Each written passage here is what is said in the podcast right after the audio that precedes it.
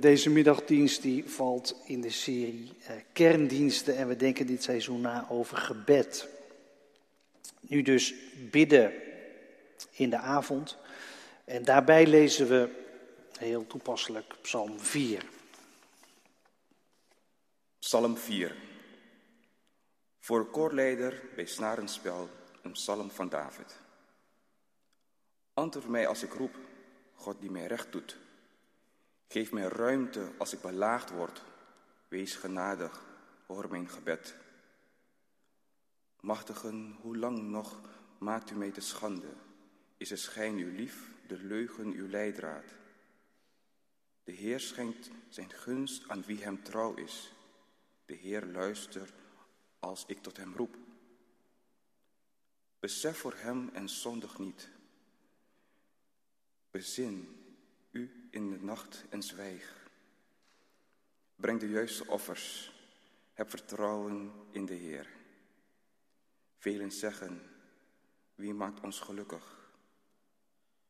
Heer, laat het licht van uw gelaat over ons schijnen. In u vindt mijn hart meer vreugde dan zij in hun koren en wijn. In vrede leg ik mij neer en meteen slaap ik in. Want u, Heer, laat mij wonen in een vertrouwd en veilig huis. Gemeente van Christus, zusters en broeders. Een maandje geleden ging het over bidden in de morgen in de avonddienst van deze serie. En toen heb ik ook even stilgestaan bij, bij het ritme dat vaste gebedsmomenten geeft aan een dag. Bidden in de morgen, bidden in de avond en tussendoor nog bidden in de middag, zodat je dag gestructureerd wordt door gebed, omlijst door gebed zou je kunnen zeggen. Het is een oeroude traditie om, om zo je dag in te delen. In de kloosters is dat uitgebreid tot uh, zeven gebedsmomenten. Maar die drieslag, morgen, middag, avond, die, is, die is heel beroemd, heel bekend, heel oud. In de Bijbel lees je erover, in de tempeldienst. Het bekende verhaal, tenminste voor sommigen zal het bekend zijn, van Daniel. En dat hebben we vorige keer toen ook gelezen. Die drie keer per dag bidt in een kamertje met open vensters richting Jeruzalem. Zo, zo krijgt je leven een, een heel eigen ritme. Krijgt je dag een, een eigen cadans. Een ander ritme dan het ritme van de haast, van de gekte waarin wij soms leven. Dat, dat morgengebed dat had zo heel, zijn heel eigen karakter. Je, je kunt bij dat morgengebed denken aan, aan drie dingen. Ik heb dat toen uh, uit, uiteengezet. Het heeft iets van een toonzetting, hè, als je de dag begint met gebed. Je, je zingt de hele dag dan in de toonsoort van het contact met God. Het morgengebed doet denken aan opstanding. Elke dag dat je weer opstaat, is er een nieuw begin, een nieuwe dag om te leven, om het goede te doen. Een nieuw begin dat je krijgt van God. En het heeft ook iets van toewijding aan het begin van de dag. Dat je je nieuwe dag toewijdt aan God. Nou ja, mocht je het uh, gemist hebben of op een rijtje willen hebben, zie de preek van 21 januari, die staat nog wel ergens op internet. Er vanmiddag dus het avondgebed. Ik, ik heb een heel aantal gedachten zo op een rijtje gezet over bidden in de avond. Misschien zijn er een paar gedachten bij waarvan je denkt, nou, die, die neem ik mee, daar kan ik wat mee. Uh, dat ga ik uh, zelf gebruiken, dat ga ik zelf toepassen. Het avondgebed, dat, dat heeft natuurlijk een heel ander karakter dan het morgengebed. Logisch, want je zit helemaal aan het einde van de dag.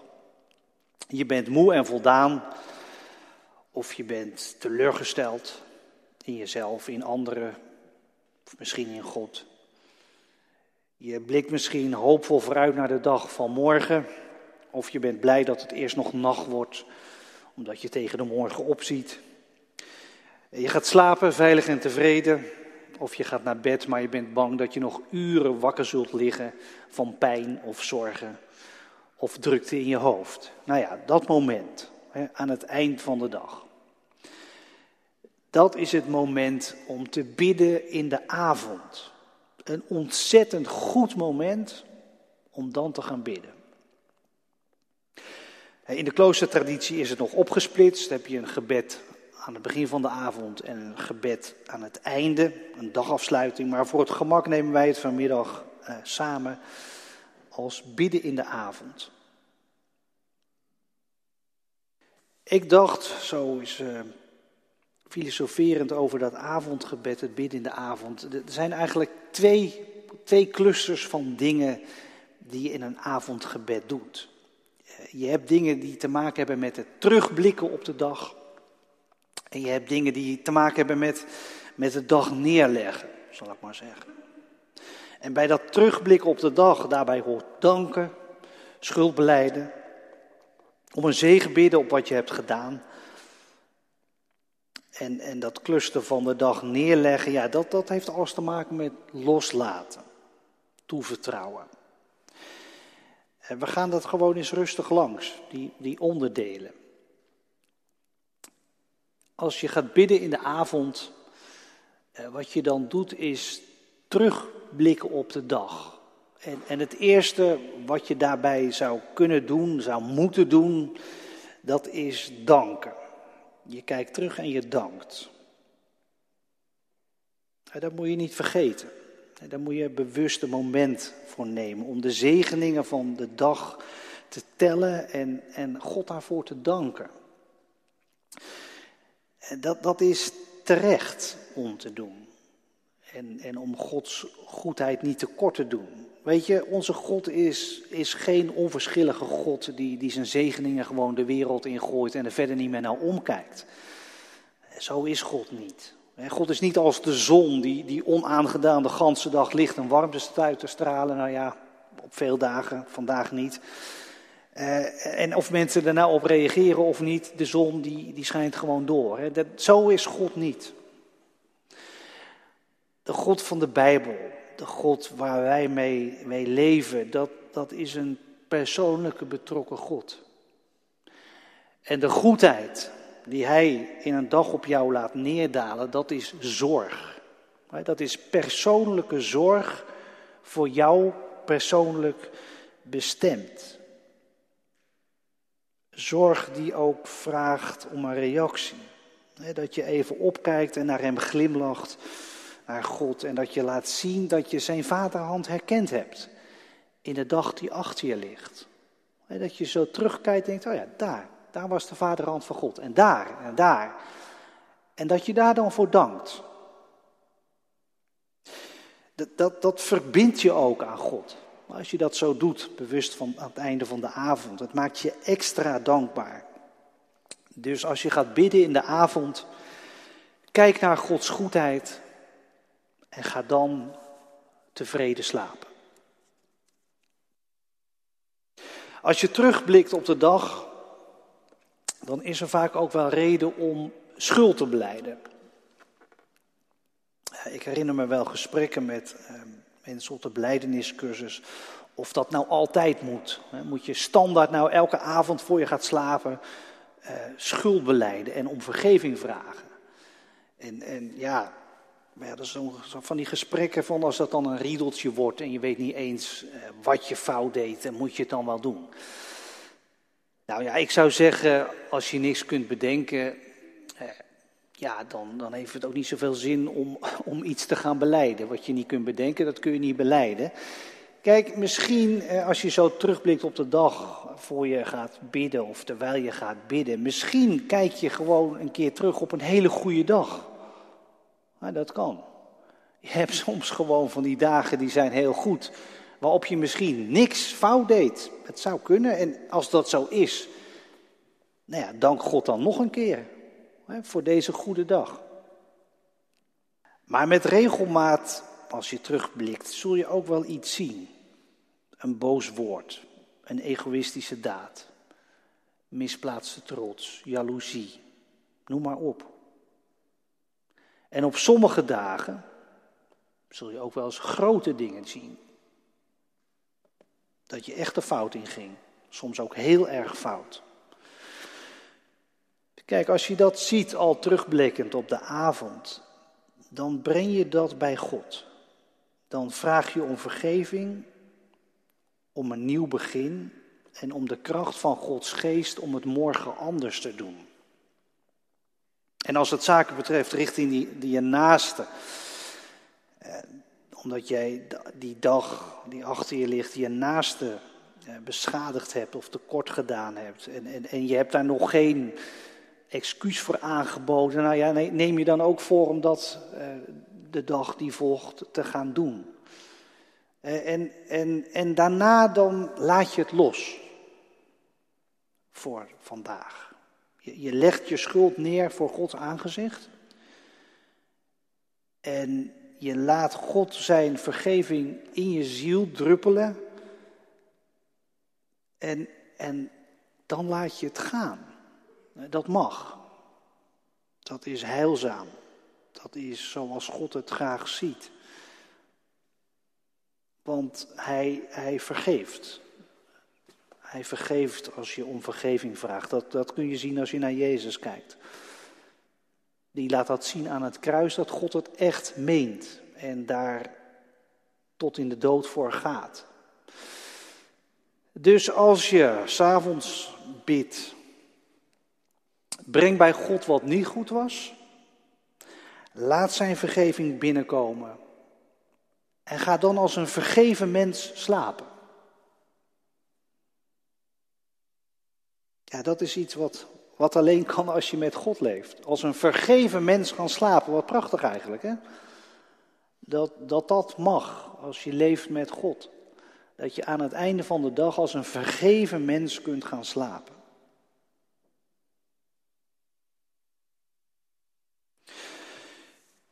Terugblikken op de dag, dat heeft tenslotte ook nog te maken met, eh, met zegenvragen. En, en ik bedoel dan zegenvragen over de dingen die je hebt gedaan. En dan niet alleen in de zin dat die dingen goed voor jou zullen uitwerken, dat mag hoor, dat mag je vragen. Maar ik bedoel eigenlijk vooral uh, dat je de dingen die je hebt gedaan uh, bij God neerlegt en, en vraagt of Hij ze zo wil zegenen, dat ze in zijn wereld zijn goedheid aan het licht zullen brengen. Begrijp je wel? Of wat jij gedaan hebt door God zo in zijn dienst genomen wordt, eh, dat het het goede uitwerkt. En ja, dat, dat kan echt over alles gaan. Over het contact dat je met mensen hebt gehad. Maar het kan ook gaan over het appartement dat je hebt getekend op je architectenbureau. Of uh, het gaat misschien over juridische zaken die je geregeld hebt. Of over medische handelingen die je hebt verricht, of zaken die je hebt gedaan, handel die je hebt gedreven, noem maar op. En als daar nou dingen bij zaten waarvan jij aan het eind van de dag denkt, ja, daar kan God eigenlijk niks mee, want dat was schadelijk voor zijn schepping of voor zijn mensen. Nou ja, dan heb je alsnog iets om, om vergeving over te vragen. Ja, en verder, als je, als je dus vraagt om Gods zegen over wat je deed, dan maakt dat dus dat je kunt gaan slapen in het vertrouwen dat God de daden die jij deed en de woorden die jij sprak, gebruikt als zaden die hij laat groeien in de wereld en in mensen, om zo zijn koninkrijk dichterbij te brengen. En als je dat doet, dan is dat ook een reden om in vrede te gaan slapen. Wat ik heb gedaan, ik laat het bij u. En ik vertrouw erop dat u daar uw weg mee weet en dat u daar uw dingen mee kunt doen. Ja, dat, dat is ook fantastisch natuurlijk. Al die daden van ons, die krijgen zo een extra lading. Nou, dat waren zo een aantal dingen die bij dat terugblikken horen. Als je terugblikt op de dag en je gaat God uh, je gaat bidden in de avond, dan, dan dank je God, je beleid schuld en je vraagt om zegen.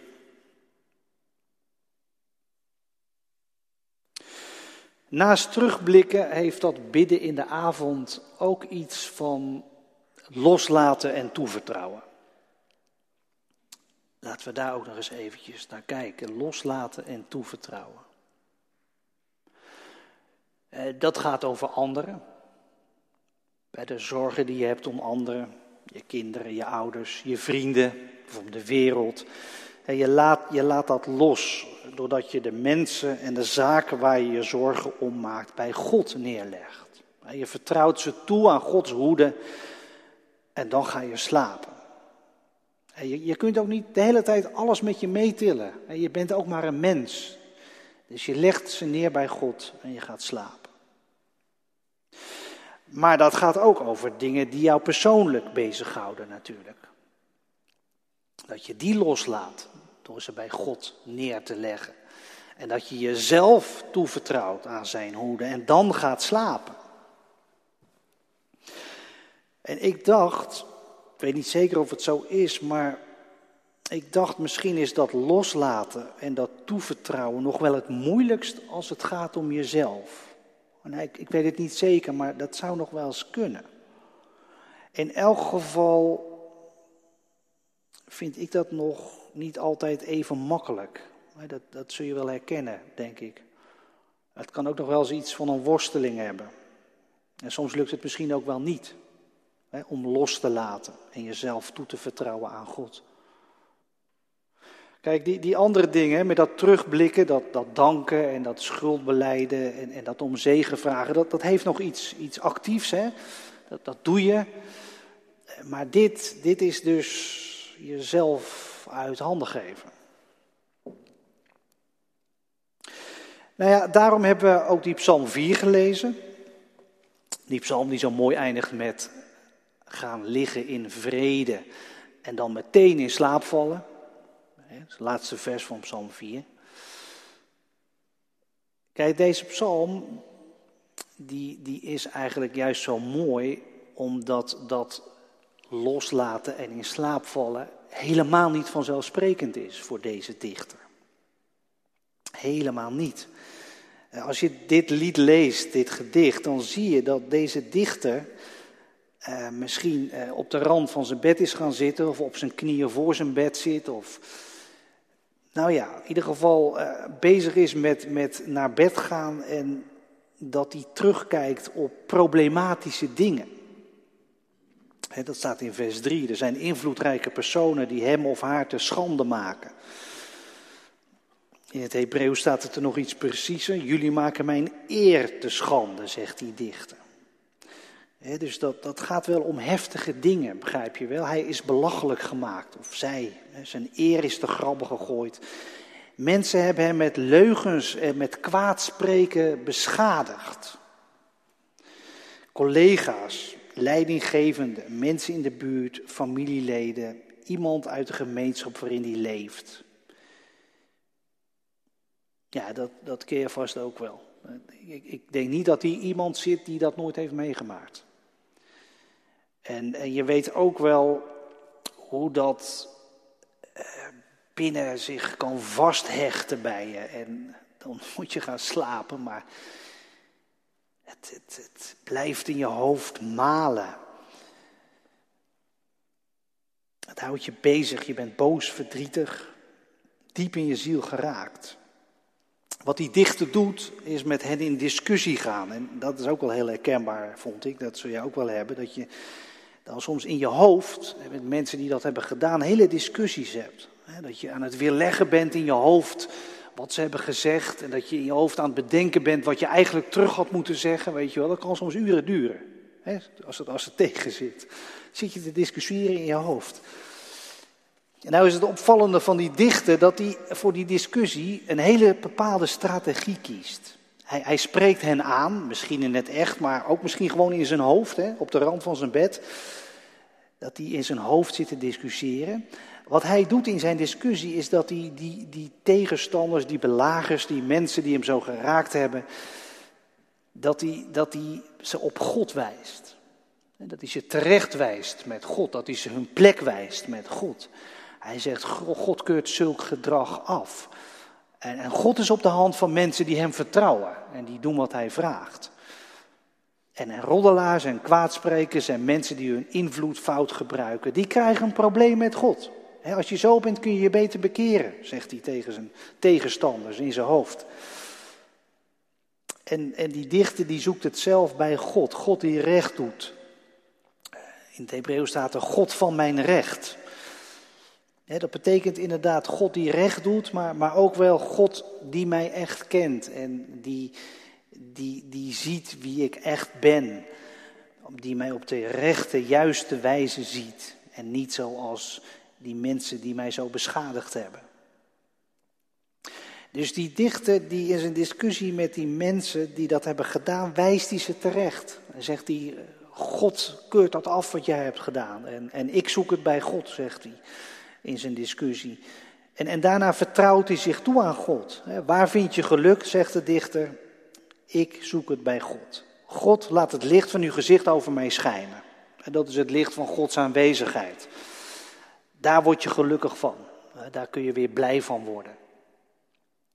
Nou ja, en pas daarna komt het slot van die psalm. Dus na die hele confrontatie met zijn belagers, na zijn toewijding naar God, daarna komt dat mooie einde van die psalm. In vrede leg ik mij neer en meteen slaap ik in. Nu zul jij ook wel de ervaring hebben dat dat meestal niet zo werkt. Op die manier van en meteen slaap ik in. Het komt, zal vaker voorkomen dat je nog ligt te malen en wakker ligt. Dat je niet opeens een knopje kunt omzetten en dan bij toverslag in slaap valt. Nou is het zo dat dat zinnetje aan het einde van die psalm, um, dat, dat kun je ook nog wel anders vertalen. Dat in vrede leg ik mij neer en meteen slaap ik in. En je kunt het ook zo vertalen. Um, in vrede zal ik mij zowel neerleggen als gaan slapen. En zoiets staat er eigenlijk in het Hebreeuws. En of dat neerleggen en dat slapen dan onmiddellijk op elkaar volgt, dat, dat hoeft niet per se. Dat hoeft het niet per se te betekenen. Het gaat erom dat je zowel het gaan liggen als het gaan slapen in vrede doet. Vrede, shalom, heelheid, compleetheid. Dat is zeg maar het bed waar jij op gaat slapen. Ik, ik, ga, ik leg mij neer en ik ga slapen in de vrede. Dat is de plek waar ik dat ga doen. En of het direct gebeurt, dat inslapen, nou ja, dat zal verschillen per keer. Maar het is wel een hele actieve daad. Dat je jezelf neerlegt in Gods vrede. Om daar te gaan slapen. Dit, dit is de plek waar, waar ik nu ga liggen. Gods vrede. Hier, hier ga ik slapen. Hier geef ik mij aan over, want, zegt hij er nog bij, Heer, u laat me wonen in vertrouwdheid en in veiligheid. Ja, dat vond ik ook wel weer heel, heel apart eigenlijk, zo'n zo'n uitspraak van die dichter. Om, om, om een slaapplek uit te kiezen bij God, zou je kunnen zeggen, bij, bij Gods vrede. En, en of je dan gauw inslaapt, nou ja, ik weet het niet, eh, het zal verschillen. Maar ik zou zeggen, dat is wel iets om, om uit te proberen, toch? Om, om zelf ook toe te passen.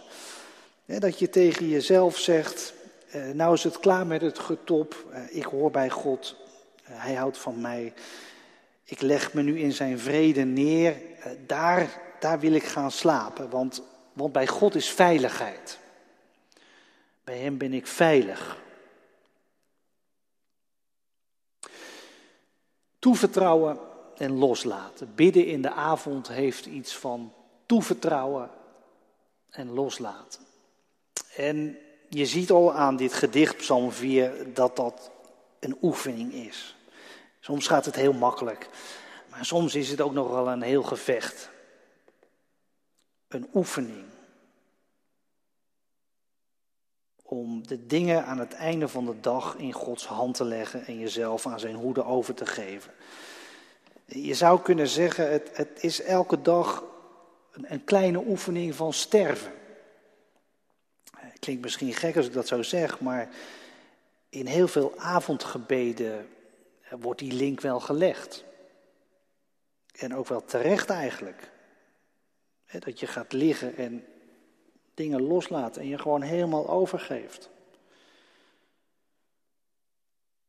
Het morgengebed heeft een associatie met opstanding. Het avondgebed heeft een associatie met sterven. Nou kan dat, dat oefenen in loslaten van dingen ook een beetje klinken als een soort onthechtingsfilosofie. zoals in de klassieke oudheid, dus de stoïsche filosofie. Of het Oosterse denken, waarbij je alles loslaat om één te worden met het al of met het niets. En misschien denk je bij jezelf, ja, daar ben ik dus helemaal niet mee bezig. Met, met loslaten, oefenen, met sterven, daar ben ik helemaal niet aan toe. Eh, ik ben jong, eh, of, of ik ben weliswaar op leeftijd, maar nog helemaal niet klaar met leven. Eh, ik hecht aan het leven, ik, ik, denk niet aan sterven. Laat staan dat ik daarmee zou willen oefenen elke avond of zo. Het leven slopt me op, ik, ik wil leven. Nou ja, dat, dat heb ik ook. Dat heb ik ook. Dat is helemaal niet gek. Ik zou zeggen, dat is ook juist goed. Eh, je bent geschapen om te leven en, en de dood hoort er niet bij. En daarom is christelijk sterven ook niet zomaar onthechting. Niet, niet zomaar loslaten. Het is veel meer. Het is veel meer. Het, het is je niet toevertrouwen aan de dood of zo, of aan de slaap. Nee, het is je toevertrouwen aan het leven. Dat, dat, is, dat is christelijk sterven. En dat oefen je als je gaat slapen. Toevertrouwen aan het leven, aan de God van het leven, aan Jezus, de vorst van het leven. Je, je, je geeft je over aan de levende. En ja, het gebed in de avond is daar dus een kleine oefening van. Loslaten en de dingen in Gods handen leggen en je dan toevertrouwen aan de bron van het leven. En dan gaan slapen.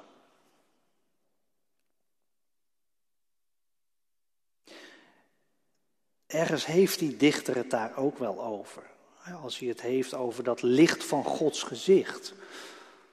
Daar biedt hij om. Laat het licht van uw gezicht over mij schijnen. Dat is het licht van Gods aanwezigheid. Dat is het licht van het leven. In de avond bid je, Heer, blijf met uw lichte aanwezigheid bij ons. Met uw leven bij ons. Blijf bij ons, Heer van het leven. Blijf bij ons, want het is avond en de nacht zal komen. Dat is een zin uit een avondgebed, uit de Lutherse traditie. We gaan dat straks ook bidden. Dan bid je dus om de Heer van het leven, om in Zijn nabijheid te slapen. Eh, misschien weet je wel dat, dat die zin uh, bij de Emmausgangers vandaan komt. Hè? Heer, blijf bij ons, want het is avond en de nacht zal komen. Eh, dat, dat kan ik nog wel even eh, uit de doeken doen, kort. Ehm, die Emmausgangers, dat zijn, zijn twee vrienden, twee volgelingen van Jezus, die op eerste baasdag eh, uit Jeruzalem wegreizen bij Jezus vandaan. Bij het geloof in hem vandaan, omdat ze denken dat Jezus dood is en dood blijft. Maar dan wordt Jezus onherkend hun reisgenoot. En onderweg zien ze niet dat hij het is, maar zijn aanwezigheid laat hun hart bonzen en branden. En als ze dan bij hun huis gekomen zijn en de opgestane Jezus hen gedag wil zeggen, dan vragen ze of hij niet bij hen wil blijven en bij hen wil eten en logeren. En dan zetten zij, zonder dat ze het weten, dus de toon van het christelijke avondgebed. Want dan spreken zij het onsterfelijke zinnetje uit. Heer, blijf bij ons, want het is avond en de nacht zal komen. En dat fantastische zinnetje is dus in dat Lutherse avondgebed opgenomen en daar wordt op doorgebeden. Dat gaan we straks ook eh, samen hardop bidden. Avondgebed. Heer, blijf bij ons. Bij deze Heer kun je gaan slapen zonder zorgen. Want slapend kom je bij Hem thuis. Alleen bij Hem ben je geborgen. Hij doet je rusten tot de morgen en wonen in een veilig huis. Amen.